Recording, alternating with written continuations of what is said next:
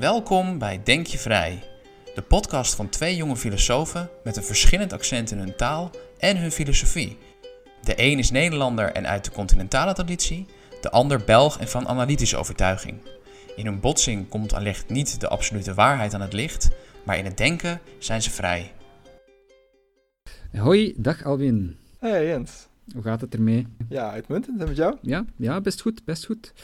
Ehm, de luisteraars weten dat misschien niet, maar eh, in het dagelijks leven zijn wij, wanneer we niet te druk bezig zijn met filosoferen en zo, zijn we beide bijlesgevers. Ik eh, lees, eh, geef les in wiskunde en wetenschap en jij geeft les in Engelse literatuur, als ik me niet vergis. Voornamelijk Engels, ja. Soms ook een beetje wiskunde. vraag me niet waarom. En soms ook een beetje filosofie, wat natuurlijk mijn favoriete bijlesvak is. Ja, dat is mooi. Ehm, wat hoopt je of verwacht je dat uw studenten van uw lessen onthouden of ze ervan meenemen verder in hun leven? Hmm. Nou ja, de idealistische kant van mij denkt natuurlijk dat ze, of ik hoop te inspireren een bepaalde liefde voor leren, liefde voor kennis. Ik denk dat waar, waar voor mij altijd de focus op ligt aan het begin, is ervoor zorgen dat er plezier en genot is in het leren. Ik denk als dat er niet is, dan, ja, dan is er gewoon geen vruchtbare grond voor informatie. Dus je moet eerst die grond vruchtbaar weten te krijgen door ervoor te zorgen dat wat er gebeurt in de les um, plezant is. En dan kan je pas beginnen met, met, met echt lesgeven. Um, ja, de, mijn meer praktische kant probeert er natuurlijk voor te zorgen dat ze in ieder geval vooruitgang boeken. Want uiteindelijk is het natuurlijk zo dat als je met kinderen werkt, dat je uiteindelijk voor hun ouders werkt. En die willen natuurlijk gewoon zien dat er tastbare vooruitgang is. Dus die willen hogere cijfers zien, et cetera. Hm. Dus dat is uiteindelijk waar ook de focus op komt te liggen. Maar zelf probeer ik uh, in ieder geval dat, dat, dat plezier te inspireren. En jij, Jens? Um, ja, dat is een goed punt. Ik probeer ook ja, een zekere basis te leggen, misschien, die dat ze later zullen kunnen gebruiken als ze gaan verder studeren op universitair niveau. Um, maar anderzijds ben ik, sinds ik over deze materie ben aan het denken, ook uh, vanwege mijn job, ben ik toch ook wel beginnen twijfelen aan het nut, of aan uh, ja, het nut van onderwijs, toch op uh, verschillende niveaus. Hmm. Want als men kijkt naar een aantal cijfers in verband met wat een volwassene, volwassen persoon nog weet, nog onthoudt, qua kennis van wat hij geleerd heeft, in het middelbaar enzovoort, dan is dat toch wel vrij schrijnend. Uh, nagenoeg geen enkele actieve kennis meer van, ja, van, van zeg maar iets, zeg maar een vak, en het zal wel zo zijn.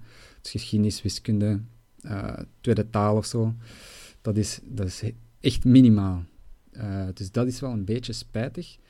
Maar het is wel zo dat het echt voor uh, ja, universitaire studies, als je in de wetenschap wilt verder gaan, dan heb je gewoon een basis nodig in wiskunde en, en wetenschappen ook natuurlijk. Dus, dus dat is een beetje waarvoor ik het dan voornamelijk doe. Maar voor de rest, ja, toch wel minder als, als verwacht. Als ja, voor, voor ik hieraan begon te denken. Hmm, interessant. Dus een beetje een desillusie met het onderwijs eh, heeft er bij jou plaatsgevonden. Ja, klopt, ja. Ja, maar uh, goed, uh, we kunnen ons misschien een aantal vragen stellen daarover. Hè. Dus we gaan ons vandaag bezighouden met onderwijsfilosofie. En een van die vragen mm in de onderwijsfilosofie is, is het doel van onderwijs. Hè. Het doel van een, een educatie, een, een vorming. en daarnet zei je al, het doel is enerzijds ook om een soort van liefde voor kennis en voor studeren te kweken. Ik denk dat dat heel correct is, uh, zodat we eigenlijk mensen opvoeden die dat hun eigen uh, kennis kunnen gaan zoeken, een zekere kritische zin hebben, die dus ook zelfstandige, op zelfstandige basis uh, zichzelf kunnen gaan bijscholen. ik denk dat dat heel belangrijk is, ja. Nog andere zaken? Ja, ik denk ehm, ook hier heb ik denk ik een idealistische en een cynische hoed. Ik denk dat inderdaad de idealistische hoed die wil dat, dat er een liefde voor kennis en, en voor de wereld en de werkelijkheid plaatsvindt in, in onderwijs. Maar eh, tegelijkertijd denk ik dat onderwijs toch vaak ook gewoon de rol speelt voor het, het creëren, het vormen van gehoorzame burgers. Hm. je wilt dat iedereen in een bepaalde vorm past. Iedereen staat op dezelfde tijd op, komt op dezelfde tijd op school aan. Uh, in sommige landen zelfs in een uniform. Dus je draagt al de stropdas vanaf je twaalfde. In plaats van als je pas naar eh, de bank gaat om te werken. Um, je, je moet op, op bepaalde momenten bepaalde taken voldoen. En als dat, als dat niet gebeurt, dan zijn er consequenties. Er zijn heel veel verwachtingen wat betreft gedrag. Dus in zekere zin is het ook gehoorzaamheidstraining, onderwijs. En ik denk dat dat ehm, ja, lastig is om, om, om echt helemaal te onderscheiden van, het idea van die idealistische kant. Het is altijd allebei. Ja, klopt. Ja. Dus is het doel van onderwijs dan inderdaad het inspireren van kennis? Of is het inderdaad echt een, een, een staatsapparaat om, om burgers gehoorzaam te krijgen? Ja, ik denk, denk dat allebei het doel is. En het enige is natuurlijk... Het ene doel is wat nobeler dan het andere. Maar dat is wel hoe de, hoe de situatie is, denk ik. Ja, ik denk dat er inderdaad zo'n een, een, soort van evenwicht moet zijn met het, het ideaalbeeld enerzijds en dan ook het praktisch-economische. Want, en dat vind ik niet op zich verkeerd, hè, want er, er is gewoon nog veel werk te doen in de maatschappij. Dus het is belangrijk om, om ook mensen op te leiden om dat werk te doen. Het geeft ook, denk ik, zin aan een leven om te werken. Ik denk dat arbeid wel een, uh, een deel is van het, van het goede leven. Uh, het idee hebben dat je ergens aan verder bouwt en dat je de maatschappij een betere plek maakt. Dus ik denk niet dat het per se iets negatiefs zou moeten zijn, maar het kan soms wel echt negatieve vormen aannemen natuurlijk als je gewoon gaat iets studeren, gewoon omdat je er dan toch een, een job van kan, uh, van kan krijgen. Dat is misschien net iets te praktisch. Uh. Ja, want zo, zo praktisch is die verbinding tussen, of zo, zo direct is die verbinding tussen het theoretische en het praktische volgens mij niet. Want zoals je aan het begin al zei, jij hebt die vraag, maar ik denk dat bijna elke student die vraag wel een keer heeft gehad van, wat moet ik hiermee? Wat is hier nou het nut van? Waarom moet ik uh, algebra leren? Weet je, hoe ga ik daar ooit nut van in hebben in mijn leven? En de vraag is volgens mij ook vaak, als je dan klaar bent met, met de middelbare school of met de universiteit, heeft wat ik heb geleerd wel eigenlijk enige impact op het werk wat ik ga doen? Hm. En vaak is het antwoord daarop volgens mij gewoon echt nee. Ja, je hebt misschien een bepaalde vorm van redeneren geleerd, van abstract nadenken. En dat is natuurlijk heel waardevol.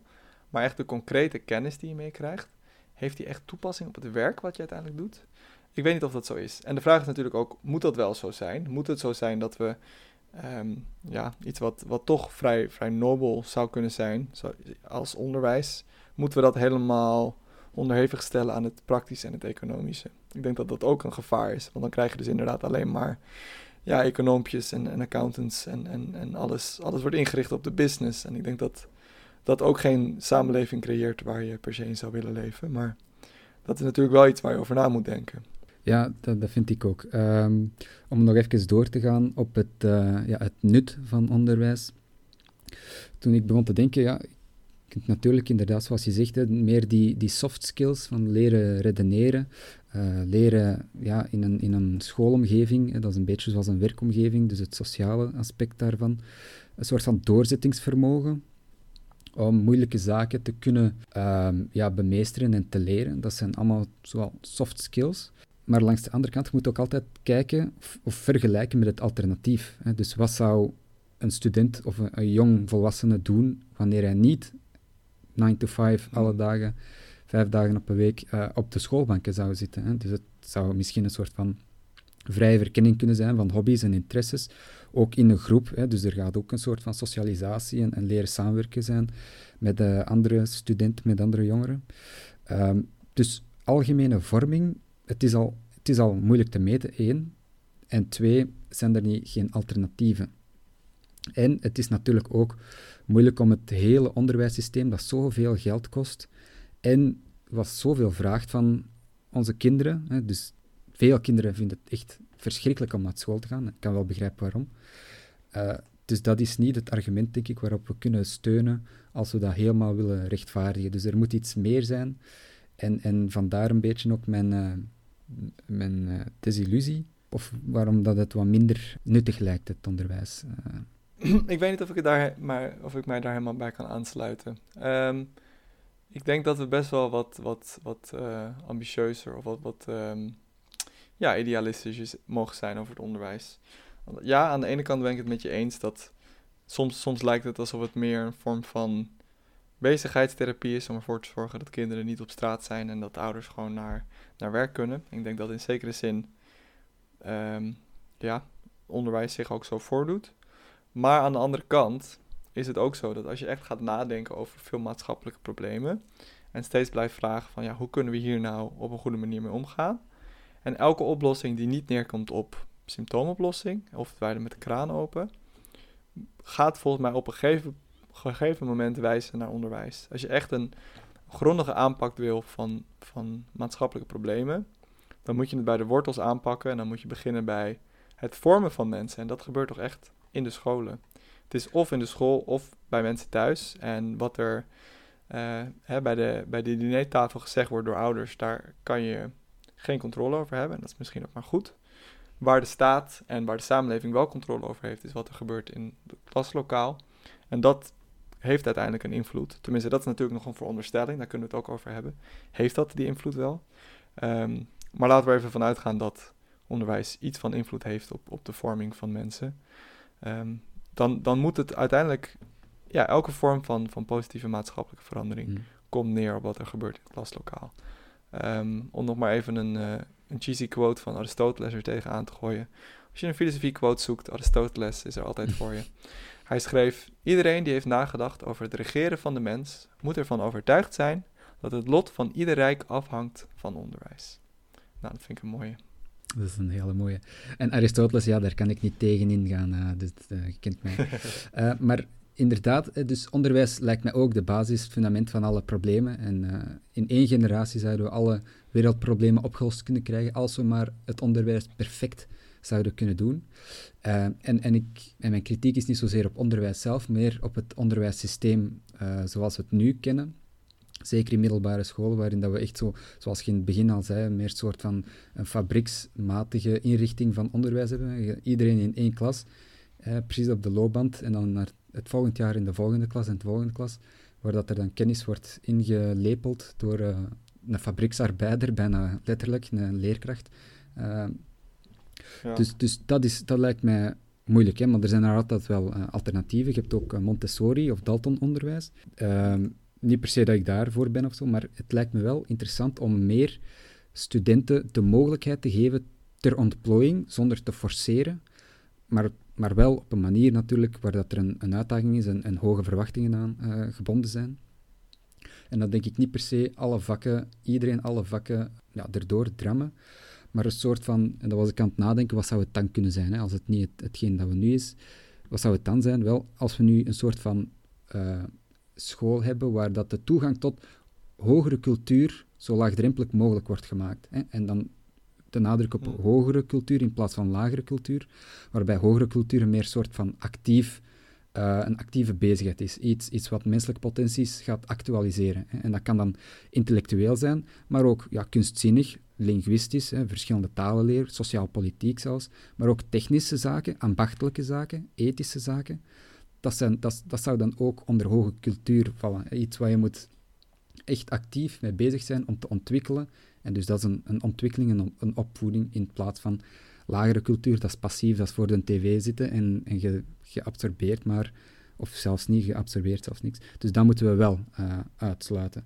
Dus zo'n soort van, en meer, maar ja, dat is dan ook weer uw mensbeeld. En gaat een kind dan werkelijk op zijn eigen uh, ah, um, allerhande moeilijke wiskunde studeren. Het is ook maar de vraag natuurlijk. Uh, maar dat zou mijn ideaalbeeld zijn, denk ik, iets in, in die aard. Ja, daar wordt het meteen inderdaad ook wel duidelijk wat, um, in hoeverre filosofie relevant is voor onderwijs. Je zegt inderdaad van, oké, we willen de hoge, hoge cultuur uh, inspireren, dus we gaan dan meteen uit van bepaalde waarden. Ah. En dat is natuurlijk überhaupt de vraag of, of, of iedereen daar vatbaar voor is. Er zullen misschien um, heel veel kinderen zijn die denken van ja, die hoogcultuur, dat, dat interesseert me geen anus, uh, laat me met rust. Sorry, wou wat uh, erop reageren? Uh, ja, dus ehm, inderdaad, ik, ik, ik, dat is ook altijd de vraag. Wat mag een, een, publieke instelling, de staat, zeggen wat, wat onze kinderen moeten studeren? Ik denk dat daar sowieso... Het, het is zeker gerechtvaardigd, denk ik, om een aantal waarden te inculkeren, zoals de grondwet, de waarden van de grondwet. En natuurlijk ook ja, wiskunde, 1 plus 1 is 2, dat, dat valt niet over te debatteren. Maar het is net om, om door zo'n een, een, ja, de toegang aan verschillende vormen van hogere cultuur mogelijk te maken, dan kan het kind zelf nog kiezen waar hij zich in specialiseert en welk, welk pad hij kiest. Maar we gaan niet zeggen, ah, je moet nu uh, Frans leren, want dat vinden wij belangrijk, zoals dat nu wel gebeurt. Maar je kan dan bijvoorbeeld ook uh, Chinees leren of weet ik veel, in zo'n school. Ideale school natuurlijk, hè, maar zwart. Ik denk dat het, het nog wel een pad tussen waar de relativisme en waar de voorschrijven is, of kan zijn. Hm, interessant. Ja, je hebt natuurlijk wel bepaalde systemen. Je noemde al Montessori, die daar meer op proberen in te spelen. Je hebt ook het, uh, het Waldorf-systeem, heet het volgens mij, van, van Rudolf Steiner. Uh, in Hmm. Nederland heten die scholen volgens mij Vrije School. Ik weet niet of je die ook in Vlaanderen hebt. Ja, ik denk het wel, ja. Ja. ja, daar heb je natuurlijk al veel meer de nadruk op, op creatieve ontwikkeling. En zelfstudie is daar veel meer een ding. Volgens mij werken ze niet eens met schoolboeken. Je moet je eigen schoolboeken eh, samenstellen. Eh, er wordt veel meer getekend en gedanst. En ehm, ja, een andere vorm van ontwikkeling, wat natuurlijk ook zijn eigen waarde heeft. Ehm, misschien is het interessant voordat we specifieke systemen gaan bespreken, om echt een beetje de soort van filosofische scholen binnen de onderwijsfilosofie eh, te bespreken. Volgens mij heb jij daar een mooi overzicht van samengesteld. Klopt, ja. Eh, dus er zijn een aantal eh, ja, stromingen in de filosofie of onderwijsfilosofie die iets zeggen over welke kennis we eigenlijk zouden moeten onderwijzen en, en ook op, eh, op welke soort manier. En het eerste daarvan is het perennialisme. En het perennialisme zegt dat we de grote ideeën van de beschaving gaan moeten onderwijzen. Bijvoorbeeld door de great books te lezen, die de, de beschaving hebben vormgegeven en die nog altijd ja, voer zijn voor het debat. Ehm, en dat wordt dan, dat is de, de achterliggende veronderstelling, dat dat universele kennis is. In die boeken staat iets universeel, Hmm. fundamenteel menselijks. Daarom zijn die nog altijd relevant vandaag. En daarom moeten we dat gaan onderwijzen aan onze kinderen. Dat is dan de typische liberal arts eh, degree. Wat dus ook geen voorbereiding is op een specifieke job, maar een meer algemene vorming van de mens. En dus meer in een ideaalbeeld past van onderwijs, in plaats van het praktisch-economische. Maar ik heb gezegd, ja, universele kennis, Albin, daar ben jij het niet mee eens, denk ik. nou, ik zit gelijk te denken inderdaad aan die ehm, huidige trends die je ziet van bijvoorbeeld eh decolonize the curriculum Mm. en heel erg die nadruk op het, op het postmoderne. Ik denk inderdaad als je het hebt over de, de grote werken van de geschiedenis en dan zegt dat dat universele kennis is, dan maak je een gevaarlijke stap in de zin dat je vergeet dat er ja, macht is in de wereld en dat, dat sommige mensen meer toegang hebben tot het produceren van kennis dan anderen. En dat betekent dat als je kijkt naar wat, wat ehm, ja, prevalent is geweest in de geschiedenis, dan kijk je alleen naar een bepaalde selectie. En dat dat ja, misschien andere bepaalde vormen van, van, van weten en, en leven ondermijnt. En dat dat zonde kan zijn. Bovendien, als je het inderdaad als universeel profileert, dan is er ook minder ruimte voor kritisch zijn. En dat is natuurlijk altijd een nadeel. Maar misschien ben jij wel een, eh, een groot voorstander van perennialisme. Kan je me overtuigen? nee, niet bepaald. Ehm, dat is inderdaad een goed punt. Maar ik denk dat we dan wel, in plaats van boeken moeten uitsluiten, dat we meer boeken moeten insluiten. Hm. En dus dat we nog altijd Plato enzovoort kunnen lezen, maar dat we dan ook andere auteurs gaan lezen van andere culturen, andere tijdspannes, andere achtergronden.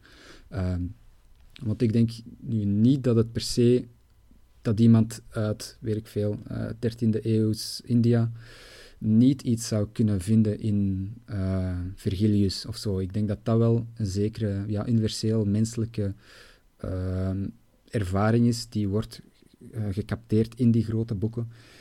Eh, maar we kunnen alleen maar uitbreiden naar welk andere mogelijke ervaringen en dan, dan zou dat ook in de great books kunnen staan.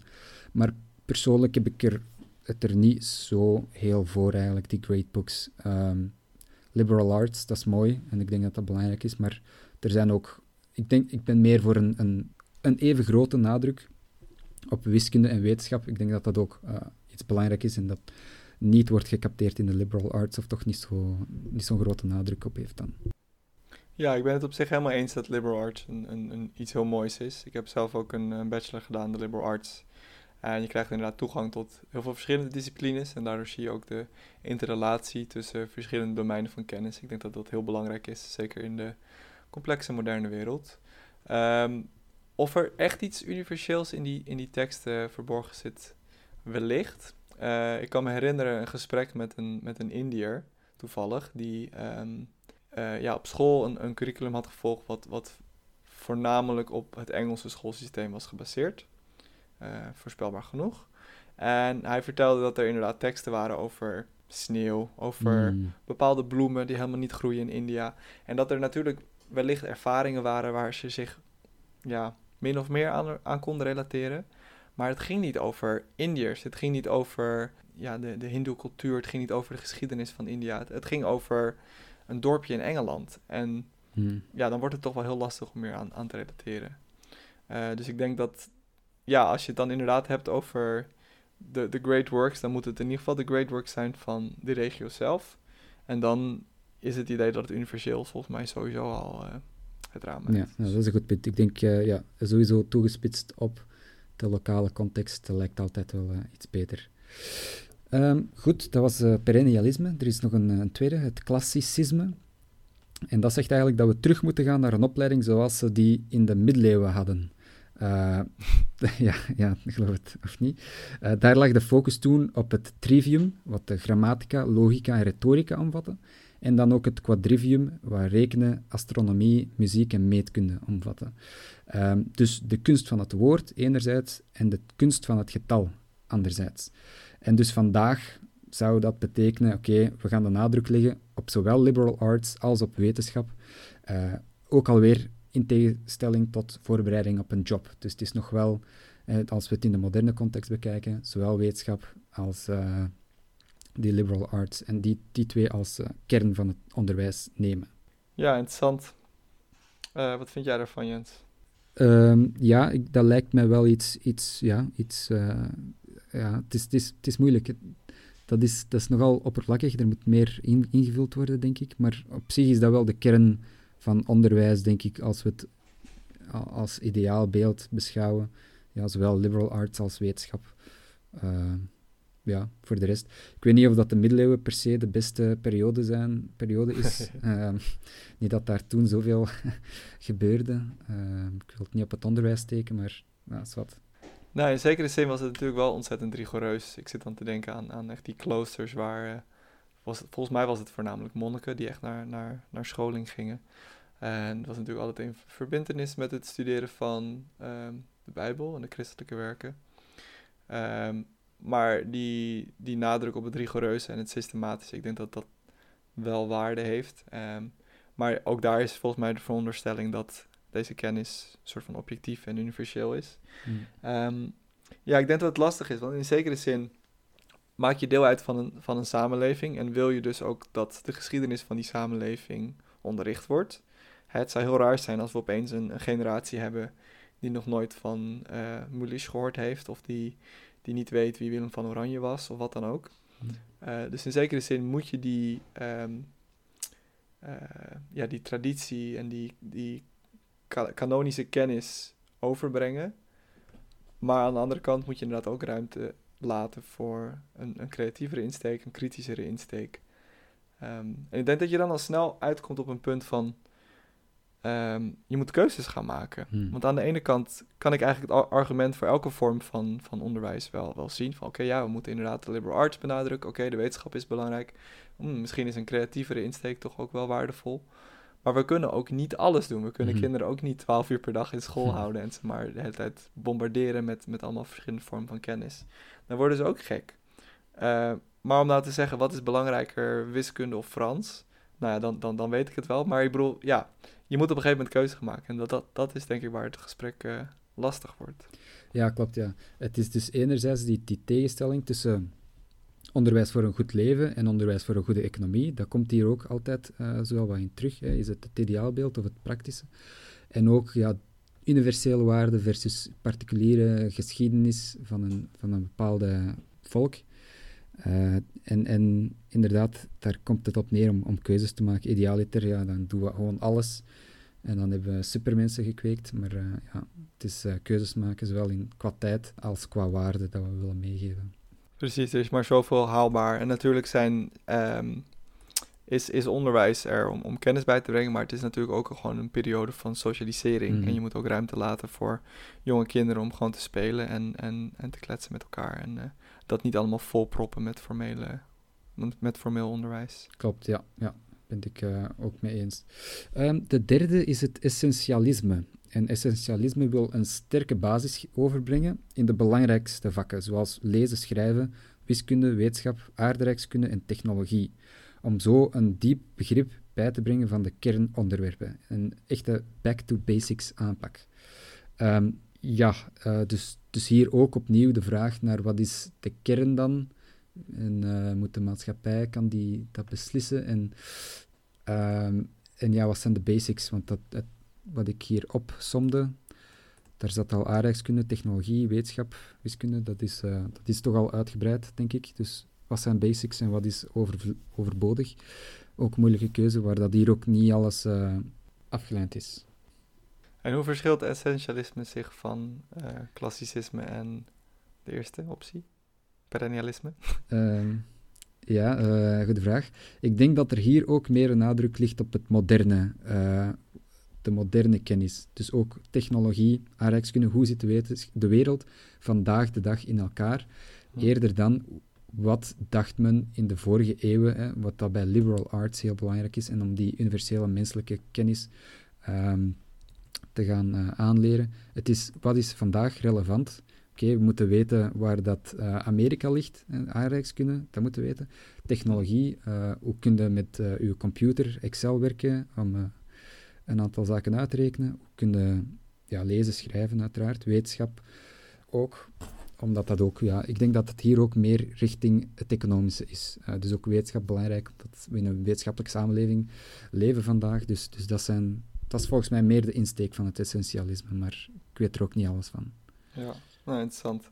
Dus je zou kunnen zeggen misschien dat perennialisme is, is historisch, in de zin dat ze proberen te erkennen dat waar we nu zijn een product is van waar we vroeger geweest zijn. En dat we dus ons bewust moeten zijn van wat er vroeger gezegd is. En uh, essentialisme zegt meer van nee, het is, kennis is atemporaal. Wat we nu weten is, is uh, goed genoeg om te weten. Dus we gaan gewoon beginnen met hoe de wereld nu in elkaar steekt, wat we nu van de wereld weten. En de rest is minder relevant zoiets. Ja, ik denk dat dat uh, meer de insteek is, ja. Hm. Um, dan is er nog een vierde, het progressivisme. En dat is eigenlijk iets wat bij John Dewey, uh, belangrijke Amerikaanse pragmatische filosoof, eigenlijk ontstond. En dat wil kinderen het ontdekkingsproces zelf laten doormaken om zo zelf kennis te verweven. Dus dat is een soort van ja, een manier van onderwijzen. Uh, en dan zouden dus veel ja, in de wetenschap van alle experimentjes doen of zo. En veel op uh, uitstap gaan om, om van alles zelf te gaan ontdekken. En dat is meer een, een, een stelling die uh, iets zegt over hoe kinderen het beste leren, denk ik, eerder dan wat ze moeten leren. Ja, interessant. Ik, ik geef momenteel bijles aan een zevenjarig jongetje. En ehm, die zit een beetje tussen schoolsystemen in. Dus die gaat niet op het moment naar een school. Dus hij heeft geen klaslokaal met, met medestudenten. En ik ben er heel erg van overtuigd dat voor hem zou het belangrijker zijn om leeftijdsgenoten te hebben dan om een formele, uh, formeel onderwijs te, te genieten. Ik denk dat de kennis die hij krijgt van mij, hoezeer ik ook van overtuigd ben dat ik een van de beste leraren ben die er is. Nee, uh, nee ik denk dat dat veel minder belangrijk is dan, dan wat hij zou kunnen krijgen uit, uit spelen met, met vriendjes. Um, Dus ik denk zeker in die leeftijd is, is, uh, ja, ben ik, kan ik me zeker vinden in progressivisme.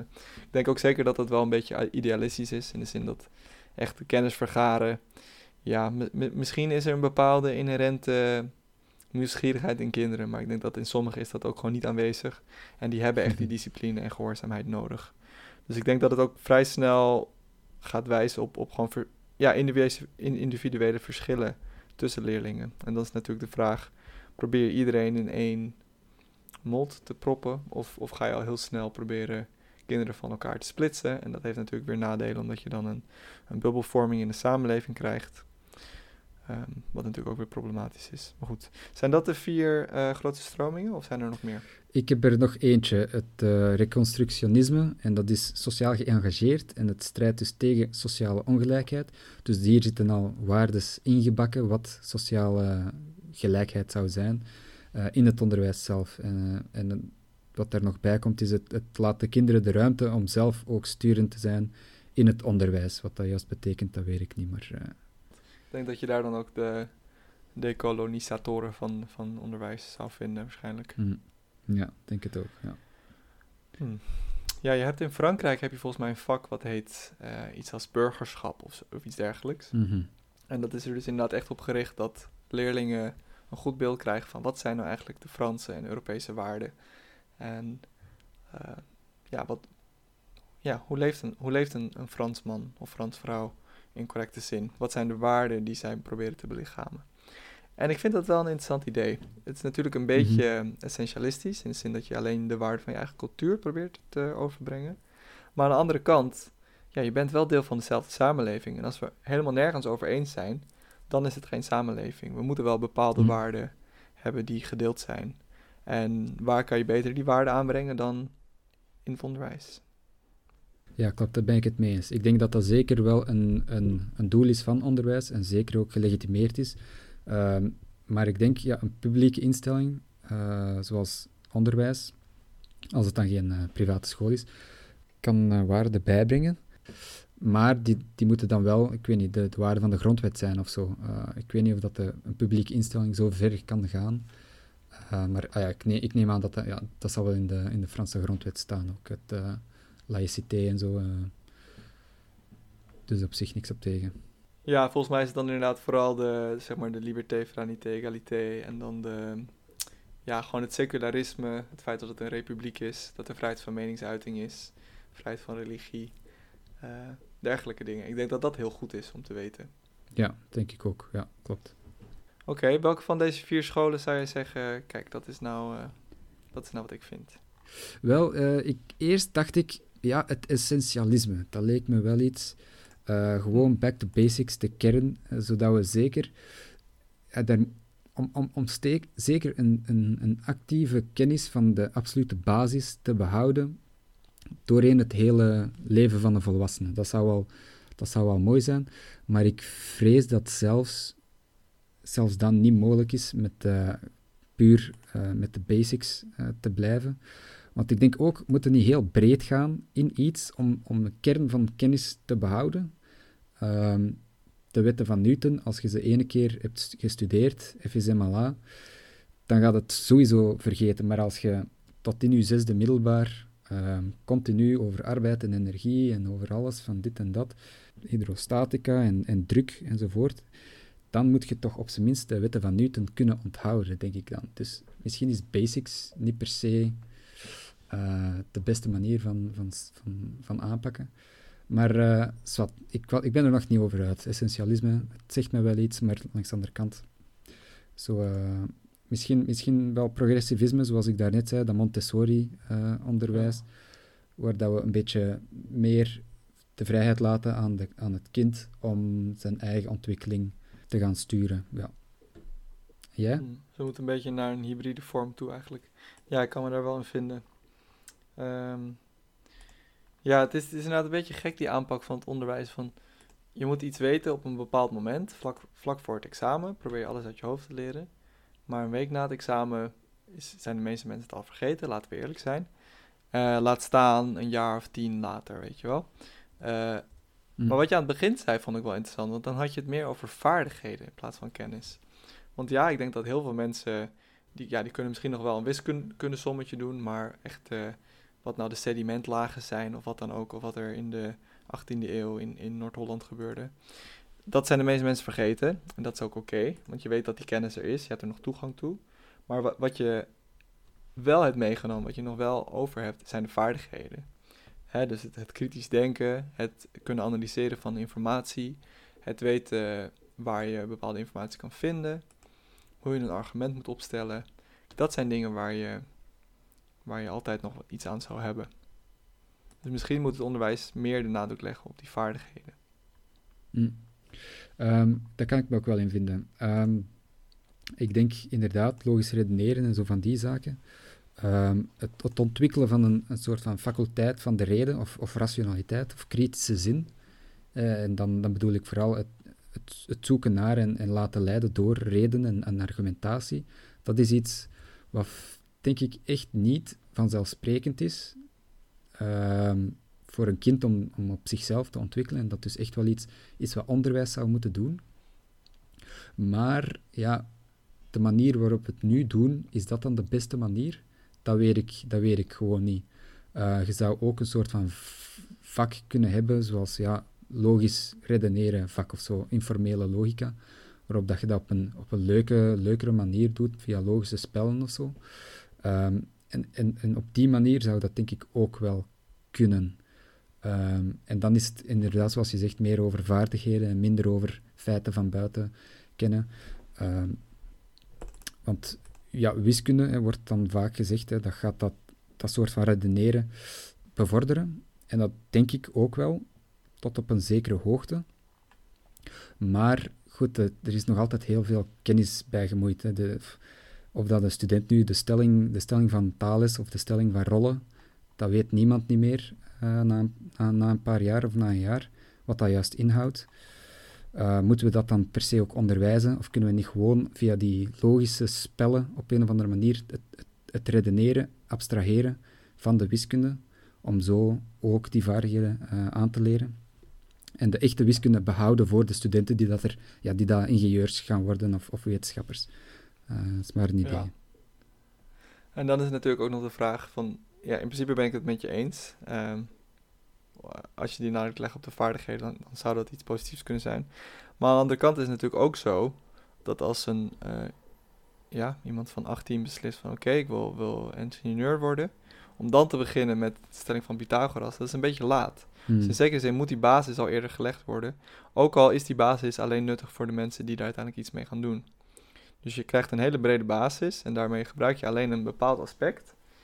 En de rest gebruik je eigenlijk niet.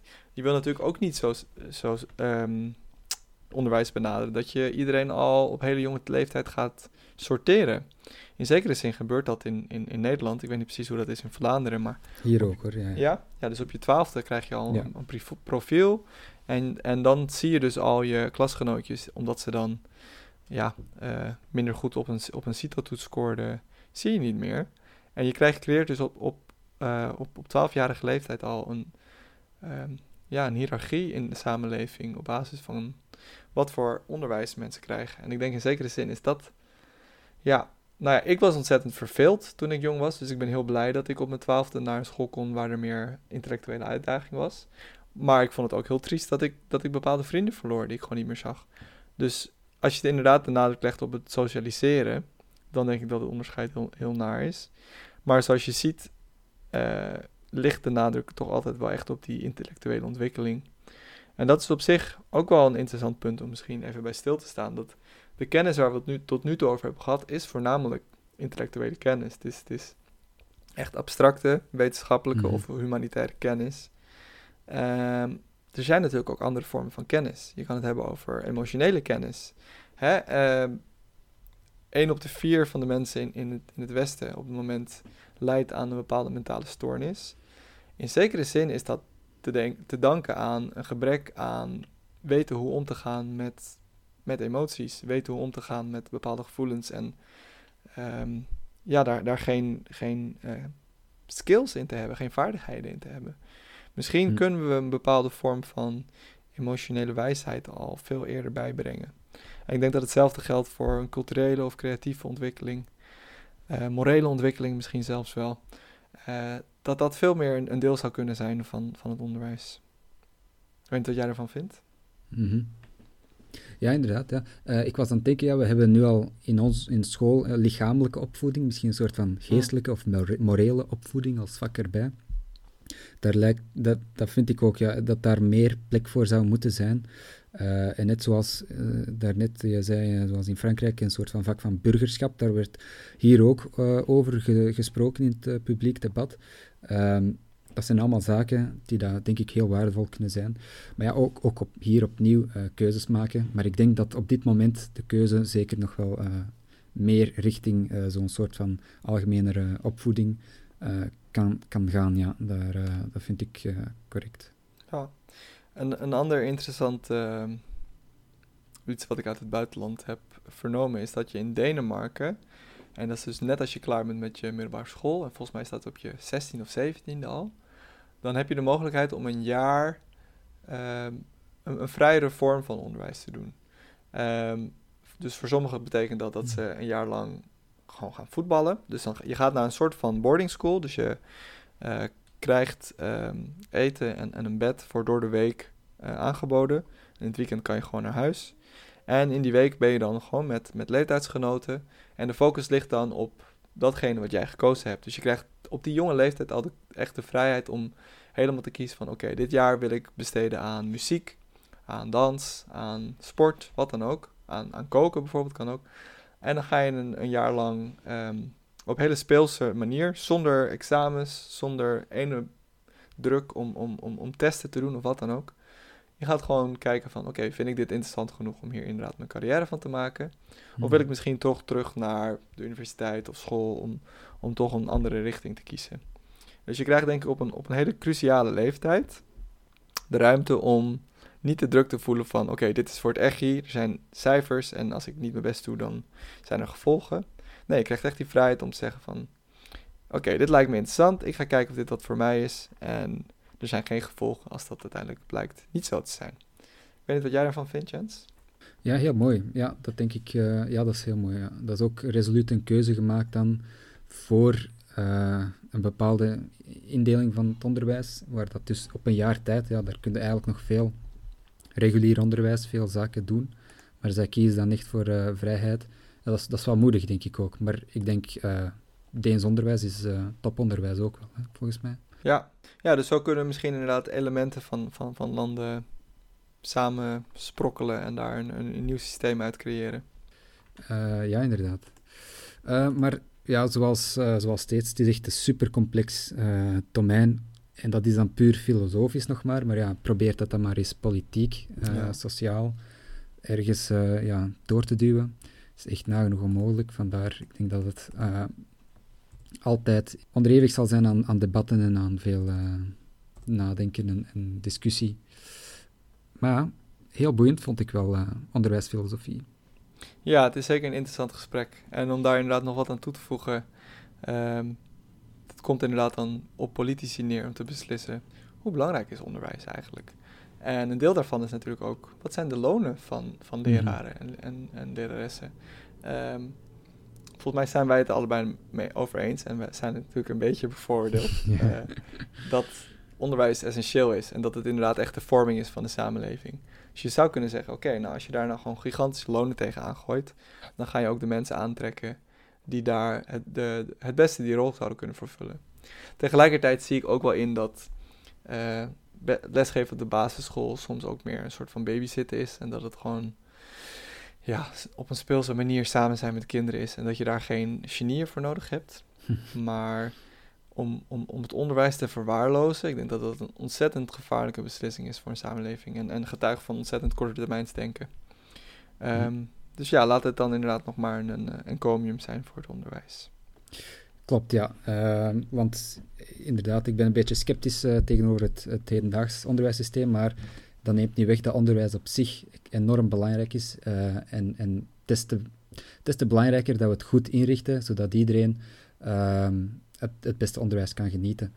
Uh, want als ik zeg wiskunde is minder belangrijk, of, of toch niet voor iedereen even belangrijk. Ik denk dat wiskunde enorm, enorm belangrijk is. Maar veel van de wiskunde die dat pubers zien op middelbare school, werkt, ja, is gewoon ter irritatie. En dat zorgt er ook voor dat mensen totale desinteresse en zelfs schrik krijgen van wiskunde. Wiskunde wat net zo mooi is. En omdat het wordt geforceerd, uh, krijg je misschien net minder wiskundigen, omdat mensen niet meer, ja, hebben er gewoon geen interesse meer in. Als wanneer je eigenlijk minder wiskunde zou geven en meer sumier de mooie wiskunde geeft op een niet al te moeilijke manier, zodanig dat uh, kinderen, jongeren zoiets krijgen van ja, hier, ik wil hier gewoon meer over weten, want dit is gewoon fijn uh, en ik, ik, kan het, het gaat goed. En, en, en dan krijg je misschien meer wiskundigen, meer ingenieurs uh, enzovoort. Um, maar ja, dat neemt niet weg dat dat een uh, gigantische gok is voor een samenleving om plots even veel minder wiskunde te geven, want dat zie je pas over decennia, wat daar het gevolg van is ook natuurlijk. Dus ik weet, dat is allemaal niet zo, dat is allemaal simpel gezegd, maar het is niet, het is ja. niet vanzelfsprekend. Ja, dat is het gelijke probleem met onderwijs inderdaad, dat die beslissingen die worden gemaakt door politici en die zijn misschien vier jaar aan de macht, maar de gevolgen daarvan zie je inderdaad pas decennia later. Maar ik kan me wel heel erg vinden in wat je zegt, dat je inderdaad, als je de nadruk legt op het op het schone en het zuiveren. En inderdaad, misschien juist mensen kan laten zien van oké, er, er is een bepaald nut of een bepaalde schoonheid in deze kennis. Um, dat dat veel meer inspiratie zou kunnen brengen tot inderdaad echte engagement met de stof. Um, ik denk inderdaad dat de reden dat er uh, een gestandaardiseerd curriculum is, is dat dan iedereen ja, hetzelfde krijgt en het ook hetzelfde kan. Maar dat betekent dus inderdaad ook dat iedereen aan dezelfde eisen moet voldoen. Dus als je een keer een bepaalde branche van de wiskunde minder interessant vindt of ja, gewoon minder aanleg ervoor hebt, dan betekent het meteen dat het een hele onaangename Mhm. leerervaring gaat worden. Dus misschien is die nadruk op het echte, het evalueren, misschien ligt daar wel echt het kern van het probleem. Ja, klopt. En we mogen ook niet onderschatten wat zo het belang is van die, het internationaal politieke eh, en dan zeker van die eh, internationale eh, metingen, zo de PISA-scores. ehm, dat wordt hier veel in het debat, heb ik het gevoel, opgevoerd. Hè, want oeh, we gaan achteruit in de scores, dus we moeten meer wiskunde geven, of we moeten meer dit, meer hoger niveau. En dat is een soort van inertie. Ehm, ik denk dat dat heel moeilijk nog wordt om een andere vorm van onderwijs te kunnen krijgen of te kunnen uitproberen. Omdat dan net ja, een soort van eh, geopolitieke rivaliteit ook mee, mee, mee aan de gang is, is of, of mee eh, installeert. En dus onderwijs als een soort van politiek instrument. Eh, kijk eens, onze, onze leerlingen zijn het beste in China. Ah, de topleerlingen, dus oh, en dan, eh, dat is een Ja. soort van internationale eh, statuut, reputatie dat je krijgt. Eh, ja, dat is nog eens een, een laag complexiteit erbovenop. Ja. Ja, zeker. Ik denk dat die, die bureaucratisering van onderwijs een hele gevaarlijke ontwikkeling is. Ehm, ik, ik ging hier in Engeland studeren en ik moest, om dat, om dat te kunnen doen, moest ik een, ehm, een, een Engels test doen, waar ik godsvermogen voor heb betaald. En dat moest dan bewijzen dat ik Engels kon. Eh, terwijl ik daarvoor al in het Engels gestudeerd had. Mijn aanmeldingsprocedure was allemaal in het Engels. Al het werk wat ik aan had opgestuurd was in het Engels. Ze wisten al dat ik Engels kon. Maar omdat het dan toch een soort van ja, bureaucratisch bewijs is, een soort van gestandardiseerde waarde heeft, eh, moest ik dan toch die, die, die standaardtest doen. En hetzelfde geldt natuurlijk voor je diploma. Ik bedoel, wij zijn allebei naar relatief goede universiteiten geweest. En dat opent dan deuren. Maar of dat of Hmm. echt betekent dat we betere mensen zijn of, of betere kennis hebben dan iemand die in eh, een mindere universiteit eh, zijn onderwijs heeft genoten, ja, dat is nog maar de vraag. Eh, dus het wordt inderdaad steeds meer een soort van ja, toegangskaartje tot bepaalde delen van de samenleving. Als je op een bepaalde elitaire universiteit bent geweest. Eerder dan het echt gaat om de kwaliteit van de kennis die ze daar weten te onderwijzen. Dus dat is ook een, eh, een problematische on- ontwikkeling. Ja, klopt. Ja. Er is een soort van signaleringsfunctie mee gemoeid. eh, van kijk, ik heb een diploma, dus dat signaleert aan een toekomstige of een potentiële werkgever uw ja, capaciteiten niet echt. Het is gewoon van... het is, als, als hij de keuze heeft tussen allemaal mensen zonder diploma en één iemand met een diploma, dan wordt het, de keuze voor gewoon gemakkelijker gemaakt. Eh, en zo krijg je ook een, soort van eh, een wapenwet op. En dan tegenwoordig heeft bijna iedereen een diploma. Dus dan moet je misschien nog een tweede diploma halen om je te kunnen onderscheiden. En zo is het eigenlijk een beetje nutteloos, altijd maar meer en meer diploma's, terwijl dat de werkelijke waarde van die diploma's eh, ook niet meer, niet meer alles zal zijn, denk ik dan. Nou, inderdaad. Volgens mij was het een aantal jaar geleden dat het voor het eerst zo was dat een, een jaar van een generatie, dat daar meer mensen een diploma hadden dan, of een universitair diploma hadden dan, dan mensen die dat niet hadden. En ja, 30, 40 jaar geleden was naar universiteit gaan nog echt iets bijzonders. Dat deed, dat deed niet iedereen. Maar nu is het bijna zo van, ja, als je geen bachelor hebt, dan ga je geen baan krijgen. Je moet eigenlijk minstens twee of drie diploma's hebben, Ja. wil je een beetje ehm, ja, boven de rest uitsteken. Ja, dus dat is ook eh, weggegooid geld, denk ik. Veel weggegooide energie. Het is een soort van wapenwetloop. Omdat een ander een diploma heeft, moet je zelf ook een diploma hebben. Ook al gaat je maar, weet ik veel, eh, in een boekenwinkel staan of zo. Daar heb je geen diploma Hmm. voor nodig. Maar ja, toch wel vanwege de, de economische situatie. Dus dat is eh, ja, weggegooid eh, moeite, geld. Precies. En zoals we al zeiden aan het begin inderdaad, van er zijn ontzettend veel beroepen waar je eigenlijk pas leert wat je moet doen voor dat beroep als je begint met werken. En dat, ja, je hebt misschien wel wat vaardigheden die nuttig zijn voor het werk, maar uiteindelijk, ja, zeker voor ons filosofen, wat we hebben geleerd gaan we niet eh, praktisch toepassen in het dagelijks leven. Ehm, dus in zekere zin zou je dan kunnen zeggen, ja, die, die twee, drie jaar die je voor een, een, een eh, extra twee masters gebruikt, had je die niet beter kunnen besteden in eh, ja, professionele ontwikkeling. Ja. Dus dat is ook nog een overweging. Goed. ehm, heel interessant allemaal. We kunnen nog over veel, veel, veel meer praten, denk ik. Ook over het nut van uh, gestandaardiseerde testen bijvoorbeeld. Of, of, ja, wat is kennis? Als je een 5 op 10 haalt op een toets, heb je dan kennis vergaard? Wel, wellicht niet. Uh, maar ja, en ook over leerkrachten en nog meer over het systeem. Maar ik denk dat we bij deze wel een mooi, mooi gesprek hebben gehad. Dat denk ik zeker. Ik denk dat we inderdaad meer uh, problematische punten hebben aangekaart dan dat we echt vragen hebben beantwoord. Mm -hmm. Maar dat is het mooie aan de filosofie. Dat kan je doen en dan doe je een dansje en dan mag de rest van de wereld ja. lekker zelf uitzoeken. Ja, wij komen ermee weg. Ja. Precies.